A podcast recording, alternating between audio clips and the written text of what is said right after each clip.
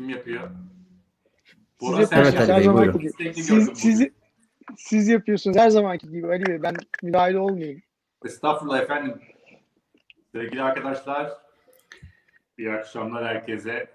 Yine bir tek Five Tech TV'de 3 tek olarak buradayız. Umarız Ömer de katılacak ama sanırım çocuklarına yemek yapıyormuş şu anda. Daha sonra gelecek. Ee, bu akşam biraz daha free flow formatında sizlerden gelen sorulara bakacağız. Aynı zamanda son birkaç günde, haftada, ayda olan konuşmaları, gördüklerimizi, düşündüklerimizi e, üzerinden geçeceğiz bunların. E, böyle bir durum. Her zamanki gibi gayet rahat, açık bir ortamdayız. Şu anda 11 kişi seyrediyor galiba. E, Süper. sorunuz varsa lütfen sorun. Yoksa biz böyle aramızda şakalaşmalar, düşmeler, şarkı söylemeler devam edeceğiz. Ama biraz buna da Nasıl yapalım? ihtiyaç Bir tane var. soru var. Yücel Faruk Şahan Bey e, toplantı öncesinden sormuş soruları. Bence cevap hakkı önce ona gitmeli. Ne dersiniz arkadaşlar? Mutlaka. Ama ondan önce ben şunu söyleyeyim. Ya, Ee, siz- bence e, bu, bu, bu tarz bir şeye de ihtiyaç var ya. Free format bir şeye de ihtiyaç var. Yani bunu niye yaptığımızı insanlar e, bilmiyor olabilir. E, haftaya zaten başka bir konuda devam ediyoruz. Bir sonraki hafta da belli. E, Birçok şey oluyor ülkede. E, özellikle bizim ekosistemde. E, iyi, kötü, e, değişen bir sürü şey var sizler özellikle hani bir de fon yöneticileri olarak bunun farkındasınız. Ben işte etrafında olduğum kadarıyla fark ediyorum. Girişimcilerden bunu fark etmeyenler olabilir. Ya da aklında bazı sorular olanlar olabilir. Biz akışında biraz sohbet ederken onların kafasında bir şeyler canlandıracaktır mutlaka. Biz böyle bir şey yapalım dedik. Ee, ayda bir belki ya da 4-5 haftada bir e, bir sohbet şeklinde yapalım. Ömer de geldi. Hoş geldi. Selam, En pardon geciktim. Hiç problem değil. En azından bu konulara bir değinmiş oluruz. Ee, belki girişimciler, yatırımcıların bakış açısını duymuş olur. Belki biz girişimcilere ses oluruz. Onların e, merak ettiği ya da talep ettiği bir şeyleri belki biz söyleriz diye böyle bir şey yapalım dedik. Belki şimdi bu çerçevede e, ilk soruyla başlayabiliriz. Yücel sormuş. E, A fonundan yatırım alıp sonrasında exit yapmış girişimcilerin sonradan A fonuna partner ya da limited partner olarak katıldığı haberleri okuyoruz. Burada girişimcinin ana motivasyonlarını merak ediyorum ben demiş. Ne dersiniz Ali Bey? Numan Bey. İlkokulda böyle sınav, sınav soruları vardı uzun. A fonundan bilmem ne yapınca be- ben de hep bunları yanlış yapardım. O yüzden Eee, çok başarılı olmadım o sorularda. Eee, sanırım eee, GP veya LP demek istiyor arkadaş. Yani o fona ortak veya yatırımcı olarak eee, katıldığı konusunu şey yapacağız. Bu çok oluyor. Yani biz şanslı fonlardanız. Nasıl şanslı? Yani ikinci fonunu kurabilmiş eee, çok az sayıda fon var. Eee, Türkiye'de bir tanesi biziz. Ve bizim de exit yapmış eee, girişimcilerimiz var e, veya e, exit yapması bile cebine bir miktar sekunderi yaparak, satış yaparak e, para kazanabilmiş arkadaşlar da var aramızda. E, buradaki motivasyon bir, give back mutlaka var. Yani bu adamlar zor günlerde benimleydi, benim de onlara destek olmam diye bir e, motivasyon mutlaka var. Ama en az bu kadar önemli e, şu da var. Bence bizim içinde olduğumuz ülkede, coğrafyada ve dünyada aynı zamanda bu kadar fazla belirsizlik varken bir portföyün içinde olması gereken bir e, parça VC. Yani iyi bir yatırımcının belli bir e, miktarın üzerinde e, maddi olanağa sahip olan bir yatırımcının bu nedir? Minimumda 10 milyon dolar ve üstü e, ne sahip bir insanın bence az da olsa bir VC e, tarafı olması gerekiyor portfolyosunda. Ve bütün bu arkadaşların hem bizim fonumuza hem diğer fonlara e, exit yapmış e, ve ortak olmuş e, arkadaşların arkasında evet hem bir give back var dediğim gibi ama aynı zamanda bunun iyi bir yatırım aracı e, olduğunu düşünüyorum. Özellikle portfolyonuza değer katmak ve çeşitlendirmek için. Naçizane fikrim bu yönde. Sen LP açısından mı söylüyorsun? Yani LP olması olarak mı söylüyorsun? E, tabii e, e, LP açısından %100 bunu söylüyorum. GP olarak katılanlar e, da vardır, olabilir. Kim var bilmiyorum. Bizde yok en azından. E, bizim bu arada e, üçüncü ortağımız Maher e, exitleri olan bir girişimci aslında. Yani bizim e, ikinci fonumuzun ortaklarından e, Hakim Amerika'da yaşıyor.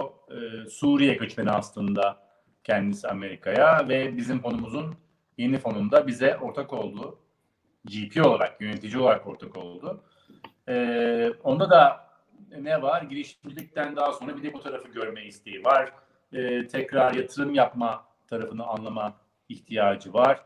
E, ama onda bile Maher de özellikle bizim ortağımızda onun adına konuşabilirim. Yine bir give back, yine bu coğrafyaya bir katkıda bulunma e, ihtiyacını da görüyorum aynı zamanda. Şey için ne diyorsunuz? Ben çok e, kendi içimde onu tartışırken buluyorum. Bir girişimcinin daha sonra fon kurması ya da bir fona GP olması, fonun parçası olup yatırım yapması hakkında ne düşünüyorsun? Yani Melek'i kenara ayırıyorum. Melek yatırımcı olarak parasını sağa sola yatırması eyvallah ama e, bir girişimciden iyi bir fon yöneticisi olur mu? E, veya olmaz mı? Veya böyle bir ayrıma hiç gitmeye gerek yok mu? Çünkü ben çıkamadığım şeyler şu. Yani bu biraz da sohbet gibi olduğu için söylüyorum. İyi girişimcilerin iyi olmasının sebepleri var. Ve eğer onları doğru şekilde girişimcilere aktarabilirlerse müthiş bir değer. Yani müthiş faydalı bir değer. Ama öte yandan da e, kendi işlerinden dolayı, kendi iş yapış tarzlarından dolayı biaslar. E, bazı şeylere de e, çok böyle kanalize olmuş durumdalar. Yani belki ba- bazı hatta bu tek doğru vara kadar götürebiliyor.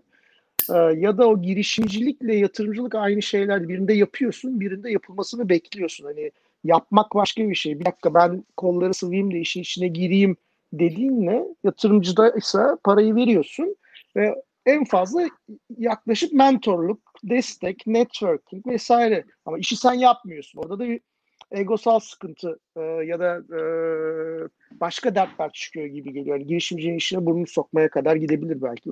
Ne düşünüyorsunuz? Ya, ben bir araya girebilir miyim? Şey, e, tabii tabii. Bora. Hepimiz, hepimiz zaten bir karşılıklı sohbet değil. Ya, yani şöyle şimdi orada birkaç nokta var deminden işte Ali'nin Ali'nin yorumunu da dinlerken. İşte sen Melih'ten bahsettin yani neticede e, iyi bir exit yapıp e, melek yatırımcı olmuş çok girişimci var. E, ve her meleği yani bu, bu programda bir sürü melek de dinledik. Yani hepsinin aslında e, yatırım yaptığı pipeline'a bakışı değişiyor. Herkesin kendi bir sistemi var. İşte birisi daha çok mutfağa girmeyi seviyor, öteki biraz daha uzakta kalmayı seviyor. E, yani melek yatırım yerine e, bir e, yatırım fonunda GP olmak, LP kısmını söylemiyorum. GP olmak da çekici gelebilir. Yani nasıl aramızda hani ben biraz daha kurumsal bir yapı içinde hareket etmek istiyorum diyen var. Bir de yok ben istemem ben Starbucks'ta çalışmayı se- seviyorum diyen var. Hani yatırım yapma ihtiyacı olup o kurumsal ve daha bürokratik olan bir VC içinde aksiyon almak daha heyecanlı geliyor olabilir. Bir aklıma gelen. İkinci nokta belki Türkiye'de çok olmasa bile hani yurt dışında çok tematik fonlar var yani çok belli bir alanda. Yani işte medikal bu, bu işte bugün çok gündemde ilaç bu işte bu e, Covid aşısı vesaire işte ve onlardan da çok var böyle şirketini alıp böyle bir milyar dolara çok teknik şirketi satmış medikal işte ilaç ve vesaire gibi yerde sonra o parayla gidip fona giren insanlar da var. Yani Türkiye'de bildiğim yok da Yurt dışında var. E, ve işte o orada daha çok bir pipeline olacak. İşte daha çok mutfağa gireceğim. O bürokrasisini seven insanlar da olabilir. Bir üçüncü noktam var ve son. E, o da biraz e, daha hani belki ide, daha az idealist. E, VC dünyasının bir e, en azından ben VC'yim dediğinde bir çekiciliği var. Bir romantik seksi gelen bir ismi var. Bu ne kadar doğru bilmiyorum. Ama dışarıdan baktığında hani VC olmak böyle seksi cool bir şey gibi geldiğini de düşünüyorum. E, girişim e, girişimci zaten bu VC dünyasına girmiş. Yani o A fonundan para almış. Exit'ini yapmış. Süreci de görmüş. Yani onun yani geri vermenin ötesinde romantik bir çekiciliği de olabilir. Ya. Bu güzel bir iş, eğlenceli bir iş. İşte bak bu ekiple iyi anlaşıyorum. Ee, ben, ben burada ilerlemek istiyorum demesi de e, makul. Yani o ben, aklıma bu üç nokta gelmişti. Ya dediğin gibi aslında biraz hani e, girişimciye çok bağlı. Kaynak israfı da diyebilirim. Ben neden bu kadar başarılı bir girişimciyi seri antrenör olarak başka işte görmek çok daha büyük başarılar da getirebilir. Ama öte yandan Amerika'da özellikle çok fazla exit yapıp fon kuran, fona giren girişimci var. Ee, ama şu demek değil. Ben girişimci bu konuştuğumuz e, exit yapan girişimden bahsetmiyorum ama X fonuna yatırım almaya giden girişimci için soruyorum bu soruyu. Karşıdaki VC'de, VC'nin e, GP'nin yöneticilerinde, VC yöneticilerinde, VC, VC'lerde, ekibin içerisinde girişimci görmek onu rahatlatıyor mu? Ya da bu tercih etmesi gereken bir şey. Ya da olmaması kötü bir şey mi? Bence değil sanki. Yani Mourinho hiç top oynamadan iyi, iyi takım yönetiyor hikayesi var ya. İlla herkesin girişimci olması gerekiyor mu iyi yatırımcı olmak için? Hayır. Hayır ama bence bir girişimci tecrübesi yani orada e, o karın ağrılarını birebir çekmiş bir adam e, ya da bir kadın yani şimdi biraz e, seksist oldu. E, muhakkak bir, bir bakış açısı yani bir tecrübe yani o savaşta pişmiş ya e, getirecek de işin teknik finansal olmayan bir işte duygusal e, yani çünkü girişim zorlanan girişimcilerimiz oluyor değil mi portföyümüzde? Çok. O, çok. Onların da çoğunda çok duygusal bir yük altındalar. İşte evleri, aileleri, bütün hayatları o işe bakmış, para gel, istediğin gibi gelmiyor. Yani hiçbir şey olmazsa orada abi biliyorum neden geçtiğini, ben de geçtim demesi bence bir, kendi başına Empati. bir katkı yapar. Tabii, tabii. Ve mesela şöyle düşün, çok kurumsal dört tane GP var, bir tane de işte şey savaş alanından gelmiş eski girişimci var. Yani Hı. o girişimcinin o, o e, yönetim ekibinde olması yönetim ekibinde de bir denge getirebilir. Ya beyler bu kadar kasmayın çocuğu. Ee, bak biraz dayanın bak yapacak göreceksin gibi bir denge de gel. Tabii yine çok genelleme bu. Hepsi böyle olmayabilir. Hani kraldan daha kralcı da çıkar. Ee, ama ben de bir temelde bir artı olarak görüyorum. Biraz da zaten genellemeyi kırmak için aslında böyle bir hani iki tarafıyla da sordum soruyor. Çünkü birçok girişimciyle sohbet ederken e, bunlar hani onlar için e, kırılmaz duvarlar ya da kırmızı çizgiler haline geliyor. İşte bir fonun içerisinde girişimci varsa o fon iyidir ya da kötüdür ya da işte hiç yoksa bun, bunlara gerek yok aslında. Fonla beraber oturup fonun portföyüyle sohbet edip fonun ne kadar yardımcı olduğunu, nasıl yardımcı olduğunu e, dinlemek lazım. Bence en çok girişimcilerin gözden kaçırdığı şeylerden bir tanesi bu. Onlar da fon seçiyor aslında. Fonlar nasıl girişimci seçiyorsa onlar da fon seçiyorlar ve burada çok da yeteri kadar girişimciler evet. ödevini yapıyor mu emin değilim. Biraz hani sanki şeyle gidiyor gibi. Hani buldum parayı e, çok da arkasına bakmayayım gibi geliyor bana. Bilmiyorum çok emin değilim. Neyse. Ama bir de yani paranın az olduğu bir yerde ya başka çok doğru bir şey de, değindin. Buyurun. Pardon Ali. Bunun da herhalde ya para az da burada az değilmiş yani. Madem biraz şey konuşacağız ne oldu ne bitti. Yani Türkiye'de bu sene kurulan toplamda 180 milyon dolar. Bugün itibariyle Startup Açık'e 400 milyon dolardan daha fazla bir fon. Yani 212 Numan Ali işte burada daha Lemon'un ilk günlerinde ortaya çıktığımız dünya ile bugün arasında 10 kat fark var Çok. bakarsanız. Tabii. Evet. Ee, belki daha da fazla. O yüzden artık para bulunuyor. Ee, ama senin söylediğin çok doğru bir şey var. Ee, Bora, o da bence ihtiyaçla alakalı. Ee, bir kere bence iyi bir girişimci iyi yatırımcı oluyor ama iyi bir yatırımcı iyi girişimci olmuyor. Ha, güzel. Böyle mecburiyet yok. Ama, ama bence iyi bir girişimci mutlaka iyi bir yatırımcı. Niye? E, çünkü uzun soluklu, ekip kurabilen, fırsatı görebilen, e, tehlikeli savuşturabilen veya yediği darbeden kurtulabilen insan iyi bir yatırımcı olabiliyor. E, peki bu ekiplerin yani VC ekiplerinin için bir girişimci olup işte oraya gelen müşteriyle alakalı bir şey. Eğer bize gelen müşteri bir girişimci perspektifi de istiyorsa spesifik olarak biz doğru bir yeriz. Yok bu girişimci perspektifi veya tecrübesi önemli değilse sadece para için ve veya girişimci olmayan bir insanın sahip olduğu bilgi ve birikim içinde geliyorsa diğer VC'ler doğru bir yer. Yani burada e, iyidir kötüdür e, mutlaka lazımdır değil değildir demek bana, bana düşmez. Ama ben şahsen kendi adıma olarak bizim ekibimizde e, ki biz kendimize girişimci olarak bakıyoruz bu arada. Ama bizim ekibimize sahiden e, yatırım almış, şirket yapmış, şirket büyütmüş, exit yapmış ki bunu birkaç defa yapmış bir insanın olmasının özellikle bizim için çok değerli olduğunu e, görüyorum ve onun yaptığı toplantılardan da sayeden birçok şey öğreniyorum ben kendi adıma.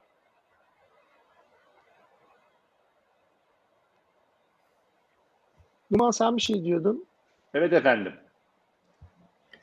Şey yani e, e, yani aslında e, Ali'nin dediğiyle biraz çatışır ama yani e, evet daha fazla fon var ama hala da e, bazı seviyelerde para bulmak daha zor. O yüzden de yani e, maalesef bazen e, para var diye e, direkt olarak e, yatırımcıdan para alan girişimlerde oluyor. Yani e, bazı detaylara e, anlaşma evet yapamıyor. Evet. Çünkü masada tek kişi varsa ve o firmanın para alıp buna devam etmesi gerekiyorsa Alıyor. senin işin alıyorsun. Devam ediyorsun. Yatırım demişken hani biraz da şeyi konuşuyoruz ya bu şu geçtiğimiz aylarda ne oldu? İşte 60 milyon dolar civarında yatırım olmuş Türkiye'de. Startup Watch'un rakamlarına göre. İşte Ali'nin söylediği gibi 400 milyon dolarlara ulaşmış. Fonlar kuruluyor. Yeni fonlar çıkıyor. Ee, için ne düşünüyorsunuz? Ee, ekosistemin e, e, tabii ki yavaş olduğunu herkes bence hepimiz söyleyeceğiz ama e, bunu etkileyen sizce ana şey ne? Ee, bunu hızlanmasını engelleyen ana şey ne? Mesela Numan güzel bir şey söyledi. Belli seviyelerde para yok hala. Veya yeteri kadar para yok. Ama belli bir şeyi aştıktan sonra sanki funnel biraz daha rahatlıyor. Para bulma opsiyonu artıyor ama e, biraz daha spesifik konuşursam örneğin en erken aşamada şu anda para bulmak deveye hendek atlatmaktan daha zor. IDA stage ya da bir üstü diyebileceğim pre-seed stage'e. Ee, yatırımcıların hani bu, az önce LP olmasını falan konuştuk insanların. Yatırımcılar yatırım yapmıyorlar mı? Fonlara girmiyorlar mı? Erken aşama neden bu şekilde? Ee, 60 milyonu neden 160 milyon yapamıyoruz? Ne düşünüyorsunuz? Bora orada şey vardı bugün e, e, Twitter'da da kim koydu hatırlayamadım. E, yine Serkan koymuş olabilir. E, ya da Sina belki. Şey iki tane daha e, işte oyun startup'ı kuruldu gibi bir haber vardı. Ha işte Peak'in vesairenin etkisine güzel diye yüzde yüz katılıyorum. E, yani tabii başarı başarıyı tetikliyor. O, o güzel. Yani ekosistemin gelişmesi için e, başarı hikayeleri önemli bir e, katalist.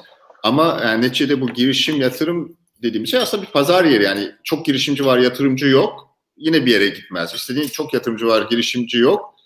Yine bir yere gitmez. Yani iki kulvarda da bir şeylerin değişmesi lazım. Benim hep söylediğim noktalardan bir tanesi e, işte politik ve ekonomik e, süreçlerden bağımsız olaraktan Türkiye'de biraz daha deep tech teknoloji girişim çıkartmamız lazım yani e, ve ona yatırım yapan fonlar olması lazım. Yani bence bir matüriteye ulaştığımızın işareti e, tematik yatırım yapan. İşte ben sadece medikal cihaza yatırım yapıyorum. Ben sadece ilaca yatırıyorum. Ben işte şey yeşil enerjiye yatırım yapıyorum. Ben tamamen internetteyim kardeşim. IoT yatırımı yapıyorum diyen fonların oluştuğunda biz geriye dönüp diyeceğiz ki tamam biz belli bir seviyeye ulaştık artık. Çünkü bu fonlar varsa ona yatırım yapacak, yatırım yapılacak girişimciler de var demektir. Yani işte dedim ya pazar yeri birbirini destekleyecek. Oradaki mesele de şu, bu iyi girişimcileri, bu Almanya'daki Pfizer meselesinde çok döndü yine Twitter'da o geyik. Hani e, bütün akıllı adamlar gitmiş, e, Türkiye'den kurtuldukları uçuyorlar gibi bir şey do- dolaştı iki gündür. Doğru ya da yanlış.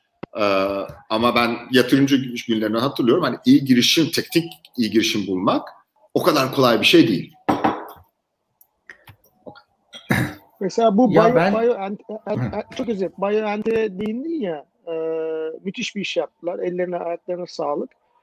Peak Games'teki durumun bir benzeri BioNTech'ten dolayı şimdi Türkiye'de e, Biotech'te olur mu? Mesela e, Eylül, Ekim, Eylül, e, Kasım arasında 23 yeni oyun şirketi kurulmuş Türkiye'de. Şu anda biz deli gibi oyun şirketi üretiyoruz ki aslında bu yeni bir durum değil. Yaklaşık bir 5-6 yıldır aslında bizde oyun şirketleri kuruluyor, yapılıyor. İşte Ankara'da e, sadece buna konsantre bir Atom incubation var vesaire. ODTÜ'nün içinde değil mi? Yanlış bilmiyorum Numan. Hı hı. Ee, Evet evet. Şimdi bun- bunlar falan varken her şey böyle sessiz derinden gidiyordu. Herkes işte e, hobi silgisi olan o alandaydı ama bir anda işte peak işaret bir şey, sonra gram game, sonra bilmem ne. Şimdi deli gibi para da yağıyor. Yani çok ufak startuplar çok erken aşamada çok ciddi paralar da buluyor. Benzeri şey de olur mu BioNTech sonrası Biotech'te? Bence henüz olmaz. Okey. Çünkü aynı aynı şey değil. Öz, özür dilerim Numan'cığım. Çok hızlı şey yapayım size. Sen kaçlı konuşmak Tabii. istiyorsun konuşamadın. Ee, yani bir oyun startup'ıyla biotech startup'ı aynı e, altyapıda kurulmuyor. Ben o oyun startup'larının e, yaptığı işi küçümsemek anlamında söylemiyorum. Ama çok daha teknik bir konudan bahsediyoruz. Yani biz dördümüz bir araya geldik. Çok güzel bir fikir bulduk. İşte dört tane de bilgisayar aldık. Yaptık. Yani oyun startupları da öyle değil zaten de. Peak'te yani seneler şey e, Biotech'te seneler süren bir teknik ARGE'nin neticesinde bir startup ve iş modeli oluşuyor. Yani ona yani klasik bizim konuştuğumuz yatırımın ötesinde önceden yapılması gereken bir altyapı yatırımına teknik, akademik, e, fikri mülkiyet gibi. Ve e, Covid döneminde bir takım e, sağlık bilimleri anlamında e, güncel olan şeyler yapılmaya başladı. Güzel şeyler de var yani Türkiye'de yok değil. Ama o kadar kolay değil. Pardon Numan'cığım lütfen.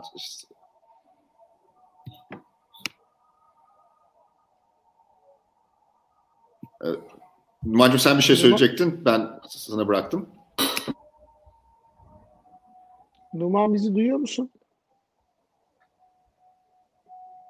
Numan'a bayağı bir dileyle geliyor diye düşünüyorum ben. Numan sadece bakıyor galiba veya veya, veya Numan. Şey, ma- sanıyorum maç izliyor Numan. Orada şey ekranın yan ekranda ma- maç ya da. Yani çok gülmediğine göre komedi izlemiyor. Çok ciddi takip ediyor. Aynen öyle. Şey- Sallıyorum ya. Evet. Ama arada da Evet. şey, e, Numan Amerikan seçimlerinden haber mi var? O, çok ciddi dinliyorsun. Ne oldu? Trump bir dava mı kazandı? bence artık Numan bize dayanamadı. Kendini dondu- dondurdu ve gitti. Oraya bir fotoğraf koydu. Şey. Nvidia'nın muhteşem bir e, demo videosu var. Mutlaka ki görmüşsünüzdür. Bu online görüşmelerde işte avatar yaratma, arka plan değiştirme bunu hani GPU seviyesinde çok hızlı yaptı. Bana tahmin ediyorum e, önce bir şey demosu gelmiş. O sağ olsun bize onu bir e, sundu sürekli kafasını sallayarak. E, Serkan sormuş. E, ben biliyorsunuz yayına soruları alamıyorum. Siz alırsanız çok sevinirim. Ee, dövizin bu kadar hareketli olması işlerinizi, portföyünüzü nasıl etkiliyor demiş. Ne diyorsunuz? Ee, İyi etkiliyor diyen olamaz herhalde Ee, buna. Diyebilen vardır aslında düşünürsen. Ee, yani şimdi demek istiyorum. Örneğin e, bir, bir şey vermek gerekirse bir e, örnek vermek gerekirse biz ilk fonu kurduk 2012 senesinde. Ee, biz fonu kurduğumuzda dolar 1.6 1.7 seviyesindeydi. Ee, bizi dinleyen arkadaşlar biliyorlardır. Ee, bu fonların çoğu yurt dışından alınıyor ve dolar euro e, bazında alınıyor. TL olarak alınmıyor çoğunlukla. E, Numan geri geldi. Hoş geldin Numan. E, ve dediğim gibi biz ilk kurumuzda 2012 senesinde 1.7 idi dolar. Biz Easyco'yu satarken, exit yaparken 2019 senesinde 6 küsurdu. Evet. 5.5-6'lı hatta çıkmış inmişti falan falan. Yani biz sadece 3x sadece derken bizim için ciddi bir şeydi 3x. Oradan kaybettik. Yani diğer bir işte dolar değişmiş olsaydı bizim 2012'den 2016 2019'a kadar biz 3x daha fazla para kazanacaktık sadece EasyCo'dan. E, bu yüzden tabii ki çok etkiliyor bizi e, dolar ve TL veya Euro e, arasındaki bu oynamalar. Özellikle e, yurt dışına exit yapacaksak. önemli olan ne? Ciro'nun ne kadarı Türkiye'den geliyor, Ciro'nun ne kadarı TL'den geliyor. Iziko case'inde çok ciddi bir kısmı TL'den geldiği için biz e, bu oynamalara maalesef çok e, e, açık kaldık. Zaten e, zaten bu etapta konuşuyoruz. Biz bundan dolayı yurt dışında büyümeye de fokuslu şirketlere bakmaya çalışıyoruz 2015'ten beri. Yani Türkiye'de kurulsun tamam da tercih NGO'su yurt dışından da gelsin ki bir tane ülkenin e, dövizinin e, artması veya eksilmesi tek başına o şirketten elde edeceğimiz getiriyi etkilemesin arzusundayız. Yalnız orada şöyle bir şey var. Ee, yani bir avantajı olanlar belki tam işte 2016-19 arasında yatırım alan e, girişimler. Yani sen işte yatıp 2 milyon euro yatırım aldın. Ee, bunu işte bir belki 36 aylık bir sürece dağıtıyorsun.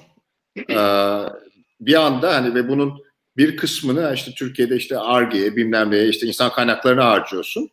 Ee, orada o e, runway'in bayağı uzuyor aslında Türkiye'de gider anlamında.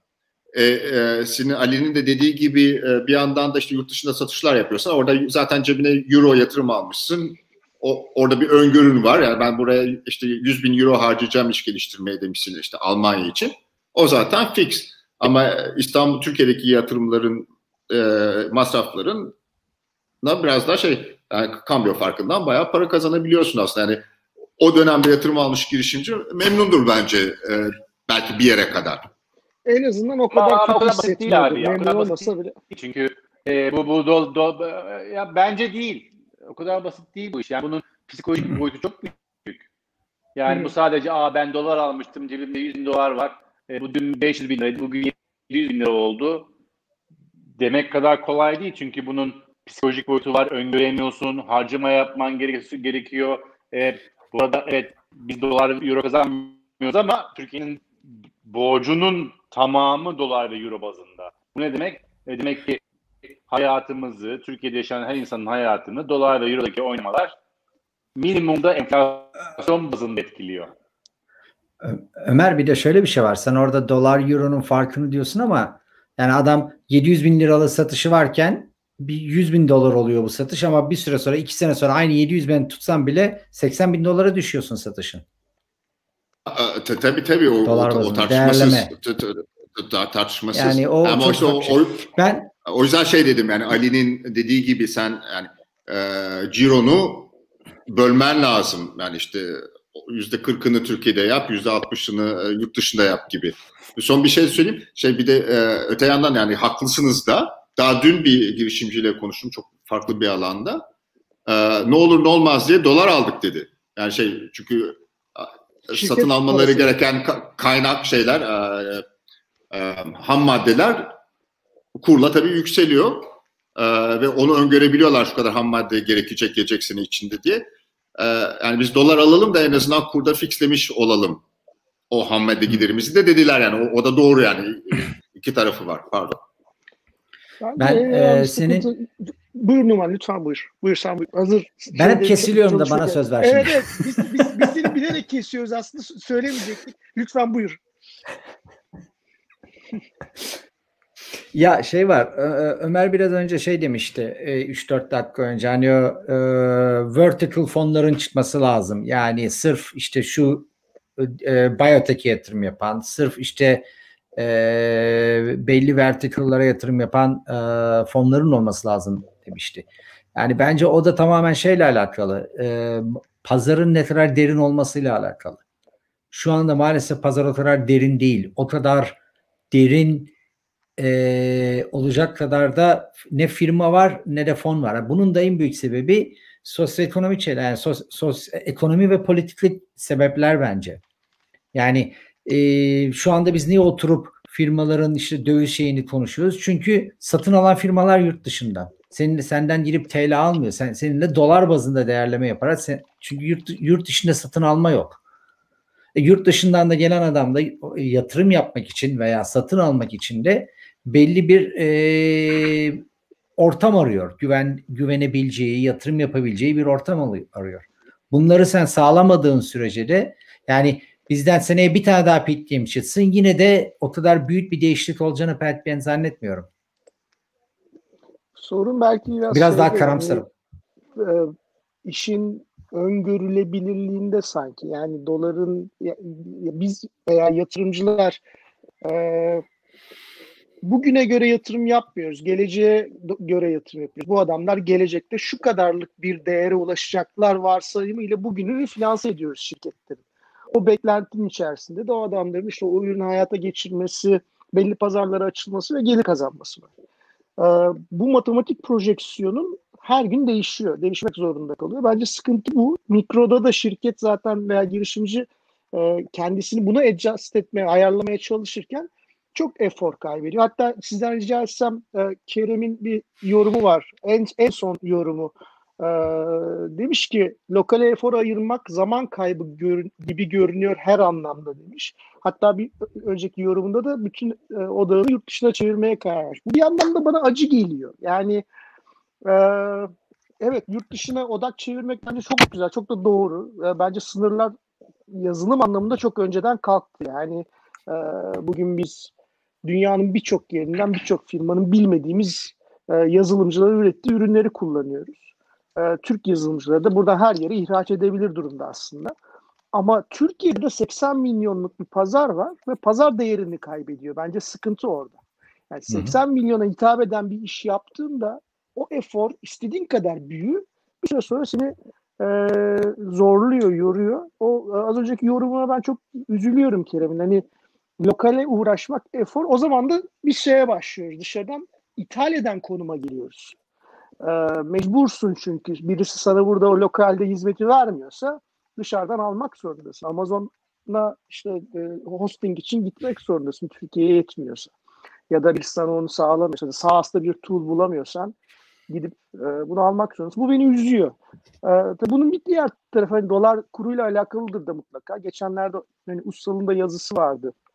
Remote çalışmanın da getirdiği şeyle, kafa değişikliğiyle, paradigm shiftle diyeyim. Hı hı. Yurt dışındaki şirketlerin bizden daha fazla yazılımcıyı aslında kendilerine çalışır halde e, çalıştırır hale geçtiler. E, ve bizdeki yazılımcılar da e, kaliteli olmalarının ötesinde yaşam e, anlamında görece daha ucuz yaşam imkanı olduğu için ülkede daha e, şey fiyatlarla, kompetitif fiyatlarla kendilerini yurt dışına pazarlayabiliyorlar gibi gözüküyor. Bir süre sonra kendi bu zaten uzun süredir yaşadığımız bir sıkıntı bence ekosistem olarak startupların yazılımcı bulamaması kaliteli yazılımcı bulamaması konusu. Bence bu giderek derinleşecek. Yani bir böyle kendi kuyruğunu kovalayan köpek durumu e, var gibi geliyor bana. Bu beni çok üzüyor. Yani canım sıkıyor. Yalan söyleyemeyeceğim. Ben o arkadaşların bizde yaratılan değerle globale sattığımız e, ürünler üretirken onlara aynı e, refahı ve e, gelir sürekliliğini sağlayabilmeyi çok isterim. Ama bu bir iyi niyetli ötesi geçmesi lazım. Nasıl yaparız onu bilmiyorum. Bir, de şey var bu ara e, yani yine çok erken aşamaya geçtiğimizde e, yani mesela kritik ettiğim bir takım şeyler var ama TÜBİTAK'ın e, sağladığı fonların büyük bir kısmını daki eforu ben doğru buluyorum. Yani TÜBİTAK e, hata yapıyor, tam doğru yapmıyor vesaire ama e, doğru şeyler yapmaya çalışıyor. Ben bunu senelerdir böyle düşündüm. Hani tartışırız. Ee, ve para da akutuyor. O da doğru ve vizyon da doğru. Yani bu parayı vermemiz lazım ki ekosistem gelişsin diyor. Yani bu, bu yine e, Serkan'ın sorusuna geliyor. Ama TÜBİTAK işte yaptığı 1 milyon TL'lik bir yatırım işte ve 5 milyon TL e, teknoloji transfer ofislerine finanse ediyor yani üniversiteden teknoloji çıksın diye. Yani bu o ilk o 1513'tü galiba o program ilk açıklandığındaki 5 milyon TL ile bugünkü 5 milyon TL'nin alım gücü çok uzak birbirinden.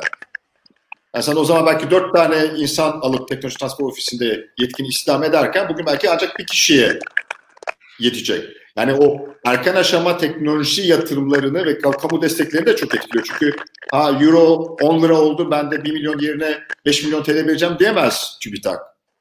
Yani o, o da bir doğrudan şey yani ilk konuştuğumuza geliyor. Hani işte bu vertikal fonların gelişmesi için yapılması gereken teknoloji ve alt yatırımı. E, çünkü orada yurt dışına odaklan falan bir opsiyonu yok. Orada Türkiye'de bir arge yapacaksın neticede. E, ama o paranla alım gücün yok işte ham madde bir kimyasal alamayacaksın. Peki globalden bakınca ne görüyorsunuz? Az önce sen bahsettin ya Ömer işte e, Amerikan seçimlerine mi bakıyorsun diye hatta e, takıldın Numan'a. Yani bir şeyler değişti. Amerika'da şimdi başkan değişti. Dolar, Covid, Covid'den dolayı piyasaların işte dolarizasyonu ya da para basılması, Avrupa'da euro- euroizasyonu diyeyim. İşte bir, bir sürü paranın şu anda akıyor olması. Bunun maalesef e, şu anda büyük şirketlere dönüyor olması. İşte e, şeyin e, zenginliğini Bezos'un arttırıyor olması. Bu pencereden baktığınızda ne görüyorsunuz? Nasıl bir gelecek görüyorsunuz? Nasıl bir kısa orta vade görüyorsunuz? Girişimci ne yapsın? Na- Nasıl pozisyonlasın kendini? Şimdi burada çok fazla konuyu aynı anda konuşuyoruz. Evet. Ee, o yüzden e, yani bunu, bunun için yürüp zaten şu senin son 30 saniyede 10 tane farklı konu var aslında baktığınızda. Aynen öyle. Çünkü Ee, girişimci de tam bu durumda. Benim, Benim, şey sıkıntım var. benim, benim sıkıntım bu zaten. Herkes bu durumda abi. Binlerce konu var ve bir şey yapmam lazım. Hayatımı idame ettirmem lazım. Ne düşünüyorsun? şunu düşünüyorum Ee, ki bence geçti yani bu ilk açılıştan beri konularımız aslında birbirine çok benziyor. Teknoloji denen oyun lokalde kendi mahalle sahanda oyna- oynayabileceğim bir oyun değil. Ne demek bu? Ben bir bakkal açayım diyorsan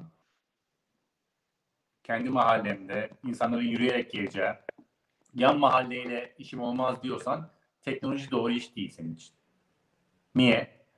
Çünkü Amazon'ların, Microsoft'ların, Facebook'ların, Zoom'un, işte şu anda kullandığımız StreamYard'ın, çoğumuzun günlük bazda hayatını domine eden Slack'in vesairenin olabildiği bir dünyada ben Türkiye'de kalayım, paramı da Türkiye'de alayım, ciroyu da burada yapayım, e, coder'ım da yazılımcım da hiçbir yere gitmesin. Yok öyle bir dünya kalmadı. Zaten yoktu bu arada. Zaten hepsi bunlar bir, yani birbiriyle ilişkili şeyler. Bu yüzden Ciro'nun globalde olabilmesi lazım. Senden bir cacık olacaksa. Bu yüzden hiçbir şekilde Türkiye'deki yatırımcıyla kısıtlı değilsin. Globalde de gitmen gerekir. Bu yüzden senin bahsettiğin gibi en son senin çalışanına da kısıtlı değilsin.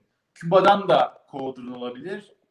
Orta Doğu'dan da Kıbrıs'tan da başka yerden de çünkü oradaki şirketlerde senin yazılımcının peşindeler bir yanda. Yani marketler, hangi marketler? Senin demin dediği, Ömer'in dediği gibi burası marketplace aslında burası. Talent marketi de, para marketi de, müşteri marketi de. Bütün marketler global teknoloji denen arenada. O eskiden de ben Türkiye'deyim.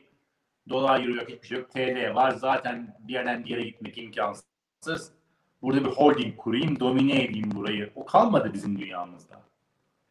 O yüzden diyorum hem HR'ınızın, İK'nızın, hem yatırımcınızın, hem çalışanınızın, hem müşterinizin, hem de sizin kapı olarak global olmanız gerekiyor. Eğer büyük bir risk alıp teknoloji girişimi yapma peşindeyseniz. Aslında e, Şimdi olduğumuz benim- dünya be- be- hani benim soruma bir parça cevap oldu ama neden söylüyorum bunu? Geri kalan. Ee, kos- sorunun Hayır, ko- koskoca şö- şöyle söyleyeyim. Koskoca şirketler bugün Türkiye'nin koskoca şirketleri de ne yapacağını çok bilmiyor. Ama en azından kaynakları var, müşterileri var, e, tedarikçileri var. Sistemi bir şekilde ayakta tutmaya çalışıyorlar. Girişimci işi bu çok çok daha zor bir şey. Yani e, çok erken aşamada onların panik halinde anlıyorum. Yani biraz önce empatiden bahsettik ya. Girişimcilerin ne yaşadığını e, hissetmekle alakalı. Ben 2008 krizini Ukrayna'da yaşarken ve sonrasında batarken e, bu, bu kaygılar çok üst seviyedeydi benim için. Yani hayatın sonu gelmiş gibi e, bir şey yaşıyordum. Artık hani e, psikolojik seviyeye ulaşmıştı. Onların da bunu yaşadığını tahmin edebiliyorum. Ama şunu bilmeleri lazım veya fark etmeleri lazım. Çoğu insan aynı durumda. Yani birkaç tane şanslı durumun getirdiği böyle e, doğru yerde olmanın şeyini e, imkanı fırsata çeviren hariç pek çok girişimci aslında patinaj yapıyor şu anda. Pek çok girişimci bunu kırmaya çalışıyor. Ama ne zaman ki senin dediğin gibi biraz oyunun dışına çıkıp ya Ali'nin dediği gibi oyunun dışına çıkıp risk alıp sıkışmışlığını, ülkedeki sıkışmışlığını globale açmayı becerebilirse öyle ya da böyle oyun en azından biraz daha rahatlıyor. Türkiye'deki girişimcilerin sorunlarından bir tanesi kendi oyununu oynamak yerine başka bir oyunun içerisinde o e, çarkların arasında bertaraf olmak. Sıkıntısı bence o. O yüzden oradan çıkabilmek başka oyuna geçmek ya, lazım sanki. Bora şey yurt e, şey yani bu Covid'den ve şu andaki güncel durumdan bağımsız olarak Türk girişimcisinin e, sektörüne göre yaşadığı bir sıkıntı her zaman vardı. Yani bu global ciro diyoruz. Hepimiz diyoruz. Yani e, kim istemez ki. Ama e, hani o global vizyon içinde e, bir takım özellikle servis sağlayıcı bir süreçteysen yani bir Türk şirketi olarak hani gidip bir Almanya'ya hizmet satmak, ürün satmak o kadar kolay bir şey değil. Yani onu da kabul etmemiz lazım. İsmin ne? İşte Ahmet, Mehmet, Ömer. E, ofis nerede? İstanbul'da.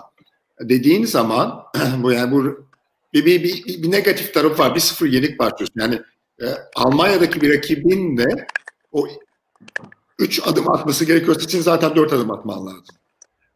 Şimdi mevcut durum hem avantaj hem dezavantaj. Yani artık mesela seyahat et, o kadar edilmiyor. Yani o belki o, o şeyi biraz dengeleyebilir. Hani o aslında ofisin Türkiye'de şimdi ben gelemem oraya gibi. Öte yandan tabii şey de var. Hani e, bir, daha nispeten daha erken aşama girişimler ki belki daha ileri aşama girişimler de işte fuarlar vesaire çok önemliydi bunlar için. Yani gidecekler orada kendilerini uluslararası arenada gösterecekler. Ee, yani ben en azından iki tanesini biliyorum. Yani gidemiyor olmak, ürünlerini orada ekosistemleriyle paylaşamıyor olmak çok büyük bir sıkıntı. Ona ona oynamışlardı işte ceplerinde para var biz şu fuara gideceğiz. 5 gün kalacağız 20 bin dolarımız cebimizde var. E, gidemiyor adam ya parası olsa bile. Ama bunlar olumsuz şeyler. Ee, uçak yok, tehlikeli fuar iptal ediliyor. Yani sen gitsen bile e, iptal edilmiş. İşte ya virtüel şeyler deniliyor ya nereye kadar. Ee, bir, bir öte yandan da şu var. Yani krizler başka girişimlere tetikler. Yani işte girişimci dediğin nedir? Bir pazarda program, problem görüp çözüm üretendir değil mi? Yani e, belki e, işte e, bundan 10 ay önce başlayan adam için çok büyük bir sıkıntı ama burada bir yeni bir girişimci kitlesi görme ihtimalimiz de var. Yani bu şu anda hızla değişen dünya yapısında e, başka problemler var çözülmesi gereken. İşte ha biri yani tam StreamYard'ı kullanıyoruz çok güzel ama işte arada sırada hepimiz düşüp geri geliyoruz. Bu bence bir problem. Yani yeni bir problem değil ama daha güncel oldu bence. Yani bur burada çözüm getiren birisi başarılı olacak. Ve daha yani COVID ile alakalı inanılmaz problemler var. Yani bugün yine bir yazı vardı. Ee, Türkiye'de de öyle bir teknoloji mevcut. İşte ilaç nasıl, lojistiği nasıl yapılacak? Call box. Cold chain. Yani, aynen. Yani, aynen öyle. Yani şey ilacı buldun ama o, o çok hassas bir derecede A noktasından B noktasına götürülmesi lazım. Yani kırılmasın Nasıl? değil yani böyle çok hassas derecelerde taşınıyor. E orada inovasyon için bir sürü fırsat var. Türkiye'de var böyle bir e, teknoloji bu arada. Çok da iyi bir teknoloji. E, ama işte belki doğru pozisyonlamak, e, Pfizer'ın o e, şu anda çok güncel olmuş o reklamının peşinden pazara çıkabilmek vardı. Yani onu işte bir Alman şirket yapmış. Yani o sıkıntıların yanında bir fırsatlar da var. Onu da unutmamak lazım. Mutlaka ki. Mutlaka ki. Ee, e, bir soru var. Levent Bilici, Bilici Erin. Ee, onu rica etsem biriniz alabilirseniz yayına. Demiş ki sosyal medya yasasını nasıl yorumluyorsunuz? Niye bu soruyu alalım dedim. Aslında hani bu globale gidelim, globale ulaşalım dediğimiz noktada geçenlerde e, o ne diyor'nun kurucusu Kaan'ın bir serzenişi vardı. Şimdi e, so, yeni yasa biliyorsunuz e, Facebook, e, YouTube vesaire için sosyal medya kuruluşlarına temsilci atamasını istedi. Bir kontak haricinde de atayan olmadı ve 10 milyon lira ceza kesildi. Eğer ödemezlerse tekrar bir ceza kesecek. Sonra reklam yasağı geliyor. Yani sonrasında bump e, kısıtlama vesaire var ki o çok beni ilgilendiriyor. Ben orada değilim. Yani en azından bizim şu anki konumuz olduğunu düşünmüyorum. Ama reklam yasağında şöyle bir problem var. Ben bir Türk şirketi olarak e, biraz önce bahsettiğim gibi Almanya'ya gideyim. Almanlara ya, reklam yapmak istediğim zaman e, Facebook üzerinden, YouTube üzerinden reklam yapmak istersem bir Türk şirketi olarak reklam yasağına takılacağım yüksek ihtimalle. Ve bu benim için bir sıkıntı eğer bir değişiklik yapılmazsa bu kanunda. E, bana bir açılım sağlanmazsa globalde rekabet etmemi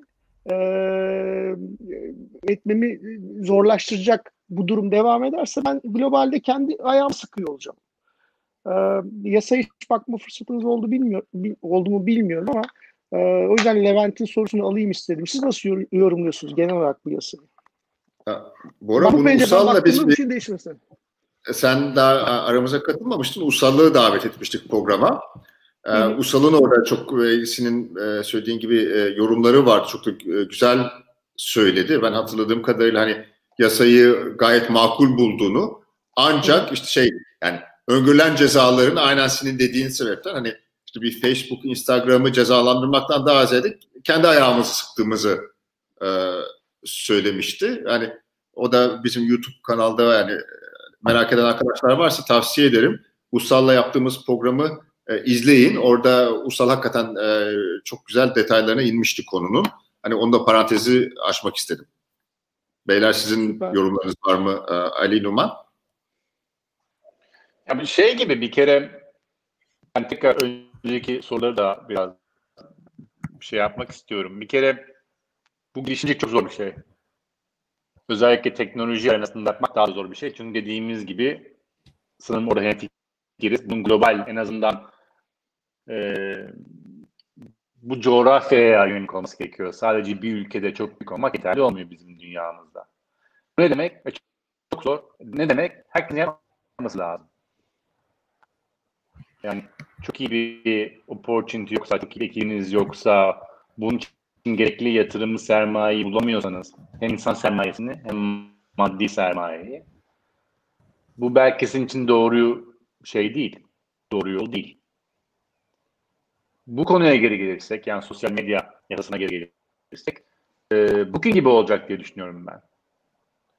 Yani Booking nasıl şu anda Türkiye'de kapalı en fazla bizleri yani Türkiye'deki müşteriyi etkiliyor. Biz ne yapıyoruz? İşte VPN var telefonlarımızda. Benim annem 74 yaşında.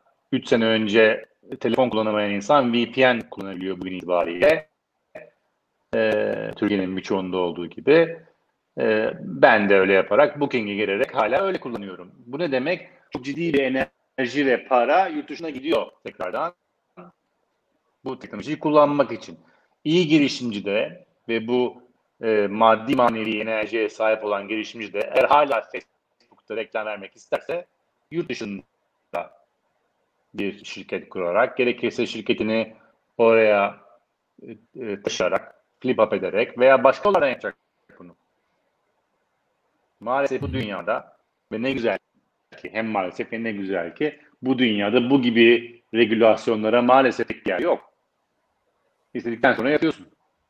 Evet zarar gören neresi oluyor? Türkiye hem mali olarak hem de imaj olarak zarar görüyor. Numan e, var mı bir yorumun? Devamlı kesilip duruyorum da işte yine Ali'nin dediğine çok katılıyorum. Yani e, sosyal medya yasasından önce bile hatta e, reklam verirken bile ekstra KDV ve e, stopajlarla zaten daha pahalı veriyordu girişimciler o parayı. Yani bu daha da kötüleştirdi. E, tamamen hadsız bir rekabete yol açıyor ve daha zor durumda tutuyor herkesi. Yani sonunda yine zararlı olan biz olacağız. Başka değil. Başkası değil. Ben bunun değişeceğini düşünüyorum. En azından bu konuda bir, bir e, açılım geleceğini düşünüyorum. Genel olarak şu döneme baktığınızda e, size hangi domainden daha çok girişimci giriyor şu ara? Ne ne hat? Oyun bir kere kesin hat. Ee, en azından benim karşılaştığım kadarıyla söyleyeyim. Ee, size siz nelerle uğraşıyorsunuz? Size ne e, yoğun geliyor?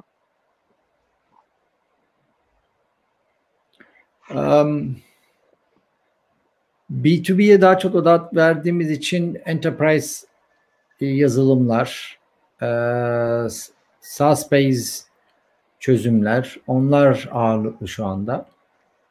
Ama bu arada da e, değişik bir şekilde şeyler Rakam vereyim mi biraz? değişikler- İyi olur Ali. Ee, bize ortalama şu an bizim bu haftalık raporumuz var da o yüzden oradan kopya çekiyorum. ee, bir şey vermesi için. Ee, e, e, bizim e, geçen hafta 35 pardon 25 tane yeni e, girişimci şey yapmış. bir haftada ortalama 25 ila 125 30 tane, bir haftada 125 25. kişi 25 ha pardon özür dilerim. Okey. 125'i kaldıramayız. 25. Bizim e, o ortalamamıza yakın bu. E, ortalama 20-25 tane yeni girişim e, bize başvurmuş. Son e, 6 aya baktığımız zaman en fazla gelen e, marketplace e, girişimleri. Numan bahsettiği gibi software service, enterprise software şirketleri. Health tech tarafında bayağı bir şirket bize başvuruyor ve app'ler de daha sonra yavaş yavaş aşağı doğru geliyor. Sonra işte Martech, Fintech, Gaming diye diye gidiyor. Daha değişik olan bir şey var. Arkadaşlarla onu paylaşmak istiyorum. Bize e, başvuran şirketlerin e, Kasım ayı itibariyle %51'i yurt dışından. %51'i yurt dışında. Son 8, evet, son 8 aya bakarsak %64 yurt dışından. Yani Türkiye bir, dışından. co- bir coğrafya söyleyebilir misin? Hani ha- yurt dışı- Çoğunlukla Türkiye, Orta Orta Doğu, e, Doğu Avrupa, e, Doğu Avrupa ve e, Orta Doğu çok fazladır. Ama burada Ya, var. biz, bizim Almanya'da çevremiz daha çok ama değil mi? Yani biz, bizim coğrafya. Tabii ki daha çok ama yani Evet. şunu demek istiyorum arkadaşlara. Yani tekrardan vermek istediğim mesaj şu. Hiçbir şekilde Türkiye'deki evet çok iyi bir yere geldi Türkiye'deki VC ekosistemi. Nedir o? İşte 400 milyon dolar gibi para var şu anda Türkiye yönetilen sizlere ulaşmak için bekleyen. Hiçbir şekilde buna da kısıtlı değilsiniz. Nasıl bu arkadaşlar Türkiye'deki 212'ye başvuruyorlar? Tekrar söyleyeyim bakın son 8 ayda bize başvuranların %64'ü Türkiye dışından başvurmuş. Siz de aynı şekilde Doğu Avrupa'ya, Avrupa'ya, Avrupa Doğu'ya, kuzeye, güneye neresini isterseniz teknoloji işinde olan her türlü VC'ye ulaşmalısınız. Ulaşabilirsiniz demiyorum orada. Ulaşmalısınız diye düşünüyorum. Ama söylediğin rakam inanılmaz. %64'ünün yurt dışından geliyor olması bu bence inanılmaz bir rakam. Ben bu kadar yüksek beklemiyordum işin açıkçası. Şunu gösteriyor. Yani bizim genelde girişimcilerin az önce söylediğim şey çok çok duyuyorum ben. Türkiye'de yatırımcı yok. Türkiye'de para yok. Türkiye'de şu yok. Türkiye'de bu yok. Yani işte başka coğrafyadan birileri eğer 212'yi bulup işte e, Revo'yu, Early Bird'ü, Collectors Park'ı bulup geliyorsa bizim zaten e, önce kendi, yani girişimcinin önce burada herkesi dolaşması, sonrasında da e, yakın çevresinde ve sonrasında e, denizin öbür tarafına e, kendisini anlatması lazım. Ama oraya çıktığı zaman eminim sen de bugün yurt dışından gelenlere e, sen genel olarak ne yapıyorsun? Atıyorum adam e, sadece Estonya'dan geliyorsa demiyorsun ki sadece Estonya için bir, şey yapıyorsun. Eminim global yapmasını, birliği çerçevesinde yapmasını, yani dünyaya yönelik bir şey yapmasını istiyorsun. Bizimkiler de oraya gittiğinde hiç kimse Türkiye'de sadece Türkiye için bir şey yaptığı zaman e, değerli bulmayacak yüksek ihtimalle o VC'ler, o yatırımcılarda. Böyle, bu, bu kaçınılmaz. O yüzden e, İşte bu, bu sadece yatırım boyutu. Hı hı. Yani e, insan boyutu da böyle, müşteri boyutu da böyle, yani finansman boyutu sadece böyle. Demek istediğim o. Teknoloji oyunu her alanda global bir oyun. Yani insan kaynağından e, müşteri kaynağına her türlü pipeline'ı global olan bir oyun artık. Finansmanınızın da global olması gerekiyor. Çalışanınızın da global olması gerekiyor. Yazılımınızın da, ürününüzün de, satışınızın da, PR'ınızın da, customer success'inizin de global olması gerekiyor. Eğer bu arenada oynamak istiyorsanız. Ya ben şey düşünüyorum bu e, oyun meselesinde mesela e, bundan 3-5 sene önce bu front runner tip çıkmıştı Hyper Casual'ın bir alt parçası. Sürekli koşuyorsun. E, çok ünlü bir oyunla e, patlamıştı. Onu yapan bir e, öğretmen de evde tek başına yapmıştı ve bir janr yarattı. Bir bir e, oyun tipi yarattı ve küçük bir ülkeden hani öyle e, oturup da e, arkasında bir oyun stüdyosu olarak yapmamıştı. Dediğin çok doğru. Senin bugün rakibin Türkiye'deki arkadaşın rakibi Bangladeş'te ya da Amerika'da ya da e, işte Brezilya'da dünyanın her yerinden bir competition var ve onlarla bir şekilde didişmek zorundasın. E, sanki bunu kaçırıyoruz gibi geliyor. Ben şu ara çok fazla şeyle uğraşıyorum. Hani no code e, konusu işte o işin kolayca hayata geçirilmesi. Girişimcilik artık ikiye ayırırsak bir Ömer'in bahsettiği şey bence çok değerli. Temel inovasyon, deep tech, altyapılar, işte o alttaki e, ana taşıyıcılar, e, otobanlar, hani işin teknolojik otobanlarından bahsediyorum, protokoller e, vesaireler. Bir de üst yapıda işte bir şef gibi herkesin önüne malzeme koyuyor ama bir şef çok iyi bir yemek çıkartıyor, öbür şef öylesine bir yemek çıkartıyor. E, bu tarafta odak, ya ikisine de odaklanmak gerekiyor. Ben ikisinde de biraz sınıfta kal- kaldığımızı düşünüyorum. E, kendimizi şu anlattıklarımızın hepsi problem olmakla birlikte girişimci tarafından kendimizi onların hepsini gözümüzde daha da büyütüp e, şey yapıyormuşuz gibi geliyor. E, yükümüzü kendimiz psikolojik arttırıyormuşuz gibi geliyor. Senin söylediğin çok güzel bir şey var. Oyunu, hani o riski almak, oyunun dışına çıkmak. Başka oyunu oynamak. Öyle ya da böyle. Seni ikna edip, beni ikna edip, işte Ömer'i ikna edip, yatırımcı ikna edip başka bir şey yapmak ve yap, yapmaya kalkıştığın zaman etrafını e, dolduracak 400 milyon dolar paradan bahsediyorsun. Az bir para değil yani. yani öyle çok karanlık bir tablo da yok. E, ben hep şeye inanırım. Dibe, dibe indiğin zaman Bu arada düştü. Baş başa kaldık Ali. Sonunda. Oh be, gitti abi bunlar. Rahat evet, evet o rahat rahat konuş. Bora da yok. Oh, Sonunda. Bıdı bıdı bıdı bıdı susmuyor, susmuyor. ben dermişim. Buradan yazıyordum hadi kapatın adamı diye. Arkadaşlar Bora. Zaten aslında son e, şey 5 dakika geldik. Ya Ali bu arada o zaman şeyi sorayım. Ee, ama Bora gelirse devam ederiz. Sana şey sorayım çünkü Bora'ya da soracaktım ama biraz bu hani bu küresel hani global ciroyu hani sen çok altını çizdin. Ee, zaten hepimiz yüzde yüz katılıyoruz. Dil konusu yani girişimcinin en azından yani İngilizceye iyi hakim olması. Ee, işte e, hani şu anda çok seyahat edilemiyor ama hani yurt dışına gittiğinde yolunu yordamını e, biliyor olması sence ne kadar önemli? Şimdi girişimci deyince çoğu insanın aklına bir kişi geliyor. Hı? Ben her zaman bir ekip düşünüyorum. Hı. E, ekipten birilerinin bunu yapabiliyor olması gerekiyor. Yani eğer e, şirketi kuranda bu kabiliyet, tecrübe veya işte dil yoksa başkasının hı. olması gerekiyor. Yani dil çözülebilen bir problem ve global olma peşinde, çabasında olan bir şirketin olmazsa olmaz öyle değil mi? Sen de olmasın. Tabii, tabii. Kimi insanın kabiliyeti yok, kimi insanın zamanı olmamış, kimi insanın imkanı olmamış veya istememiş öğrenmek yabancı bir dil. Utangacı var. Ama globalde utangacı var. Her türlüsü var. Yani konuşmak istemeyeni var, telefonda tutananı var. Sadece kod. Yani o yüzden ekip diyoruz ya her zaman. Ama bu ekipte globale gidilecekse ki gidilmesi gerekiyor.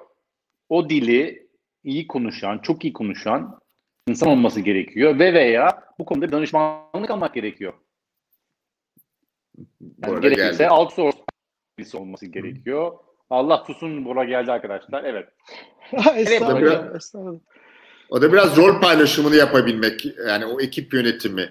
Hani girişimci de yani ana girişimcinin diyelim ki yapacağı önemli şeylerden birisi hani gerekli yerlerde e, işte başka bir ortağını e, ya da e, maaş çalışanını ön plana çıkartabiliyor olması lazım. Yani o egoyu da kontrol etmesi de gerekiyor o zaman. %100 zaten o yüzden e, ben hep tekrarlıyorum bazı şeyleri kusura bakmasın lütfen arkadaşlar. İşte dedim ya iyi bir girişimci aslında iyi bir yatırımcı. Ne demek o? Ben benim ihtiyacım olan getiri ne? Şuraya gitmek. Elimde olan resource, elimde olan kabiliyet, enerji, para, maddi, manevi nasıl bir değere sahibim bunlar. Bu araba oraya gider mi? Gitmez. başka neye ihtiyacım var? Başka bir lastiğe mi ihtiyacım var? Başka bir arabaya mı ihtiyacım var? Nasıl bir benzine ihtiyacım var? Ve nasıl bir çeşitlendirmeye ihtiyacım var? Ben nasıl bütün yumurtaları aynı sepete koymam? Bu aslında bakın anlattığım şeyin hepsi size işte finans, ekonomi derslerinde öğretilen şeyler. O yüzden aslında iyi bir girişimci çok iyi bir yatırımcı aynı zamanda. Çünkü ister istemez bütün bu topları havada kontrol etmesi farkında olması gerekiyor. Sadece kod değil, sadece müşteri değil, sadece finans değil, sadece muhasebe değil. Hepsine bakabilmesi gerekiyor. İyi bir girişimci. Aslında O yüzden zor. mü- müthiş bir pas attın bana. Ben ben şöyle düşünüyorum. Tam orada kesilmişti. Ee, o yatırımcılık bence zamanlamayla alakalı bir şey. Doğru zamanda doğru yatırımı yapmakla alakalı. Ee, bir girişime başlayacağın zaman hem pazar anlamında doğru olmalı hem senin için doğru olmalı. Ee, araştırmalar şunu söylüyor. Eğer bir ülkede refah çok yüksekse girişimcilik çok yüksek. Çünkü çok para var ve insanlar farklı farklı şeyler yapmaya başlıyorlar. Ya da refah çok düşükse girişimcilik çok yüksek. Çünkü insanlar işte iş bulamadıkları için iş yaratmak adına ya da e, problemleri çözmek adına girişimciliğe yöneliyor, inovasyona yöneliyor. Ama ikisinin arasında kalırsan ne çok refah ne çok fakir olursan ne e, sıkıntıda olursan bu sefer çok mediocre, çok orta karar bir şey oluyor ve oraya sıkışıyorsun, kalıyorsun. Girişimcilik de ilerlemiyor, inovasyon da ilerlemiyor. Ee, bence zamanlama olarak belki arkadaşlar bana şey yapacaklar, kızacaklar bu konuda ama ben şey olduğunu düşünüyorum. Zamanın e, giriş, girişimciliğin Türkiye'de e, hızlanacağını düşünüyorum. Onu bekliyorum en azından. Zaten hızlanıyor yani o, o sen yine düştün Bora gibi gözüküyor ama Ben donmuş olabilir miyim? ha, ha, ha, tamam geri geldi. Geldi galiba. Tamam, geri. tamam bir donmuştun. Ee, ben ben çok çok katılıyorum Bora. Ee, ben daha da arttırayım. Madem şey yapıyoruz. Sanırım ben olsun. dondum ve hiçbir şey Ben görmüyorum. Türkiye'de yetenekli bir insanın girişimci olmamak gibi bir ihtimal yok diye düşünüyorum. Ve, ve yine Bora. Yine bak. Ha, programı bize kapattıracaklar e, belli ki. Ama Evet, şey sen bitir lütfen. Yani güzel güzel bir şey söylüyorsun. Onu o, o- yani arada Ben kaynamasın. Yani benim benim düşüncem Türkiye'de çok yetenekli insanlar var. Her her alanda, teknoloji değil her alanda. E, ve bu insanların e, girişimci olması lazım. Ne demek bu? Yüksek potansiyelli işler peşinden koşmaları lazım. Çünkü hem içinde olduğumuz coğrafya, hem içinde olduğumuz dünya o kadar belirsiz ki çok ciddi fırsat maliyetlerine sahipsiniz değerli insanlar olarak. E, öyle bir yatırım varsa sizin tarafınızda bunun getirisinin de çok yüksek olması gerekiyor.